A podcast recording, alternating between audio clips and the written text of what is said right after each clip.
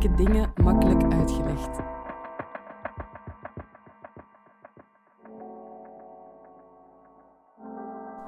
Dit is de podcast van Moeilijke Dingen Makkelijk Uitgelegd.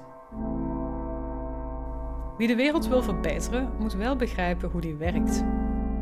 Daarom laten we in Moeilijke Dingen Makkelijk Uitgelegd een expert 10 minuten aan het woord om een complex onderwerp uit te leggen. Deze keer onderzoekt Rutger Verhoef bekende gezondheidsmythes.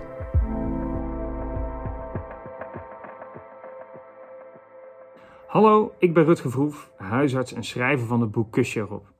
In Kusje erop ontrafel ik 70 gezondheidsmythes.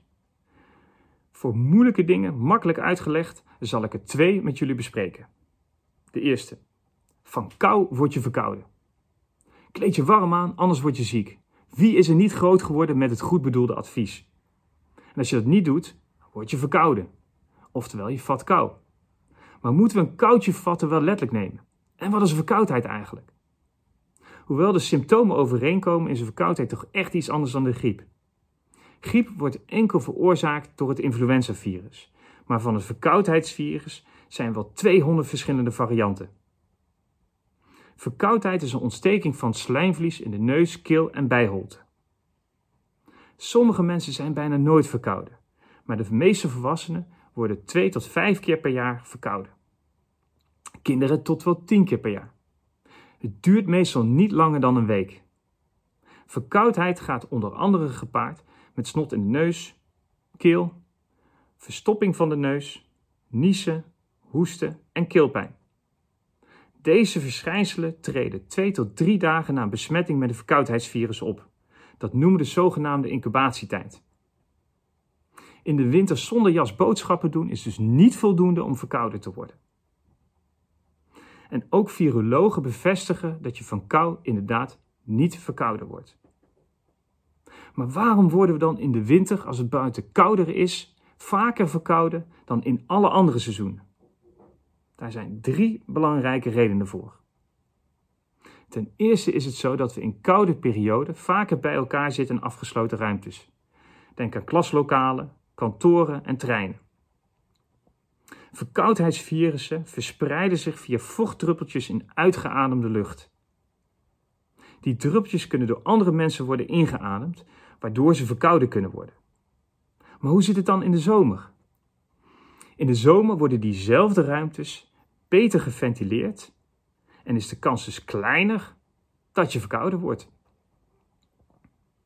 En ten tweede doet een lagere temperatuur de bloedvaten in de luchtwegen vernauwen.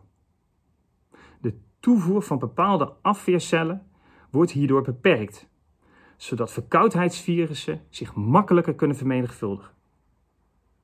En als laatste overleven virussen, waaronder de griep- en verkoudheidsvirussen, makkelijker in droge lucht dan in vochtige lucht. En in de winter is de lucht vaak droger dan in de zomer. Kou kan zelfs zorgen voor een betere weerstand. Wetenschappers hebben namelijk aanwijzingen gevonden dat kou een positief effect heeft op ons immuunsysteem. Dat is het verdedigingssysteem dat zowel interne als externe ziekteverwekkers bestrijdt, zoals bijvoorbeeld de verkoudheid. Daarnaast is het zo dat als we het koud hebben, ons lichaam meer energie verbruikt. Door onder andere te gaan rillen. Maar ook voordat je gaat rillen is je energieverbruik tot wel 30% hoger.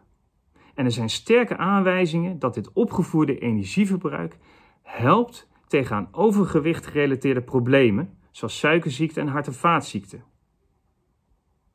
Gelukkig hoef je hiervoor niet in een bad met ijsblokjes te gaan liggen of in een koelcel van min 110 graden Celsius te stappen. Gewoon in je t-shirt de vuilniszak buiten zetten is voldoende. En ook koud afdouchen. Eerst normaal douchen en de laatste 20 seconden koud. Kortom, van kou word je niet verkouden. Kou zou zelfs een betere weerstand kunnen geven tegen verkoudheidsvirussen.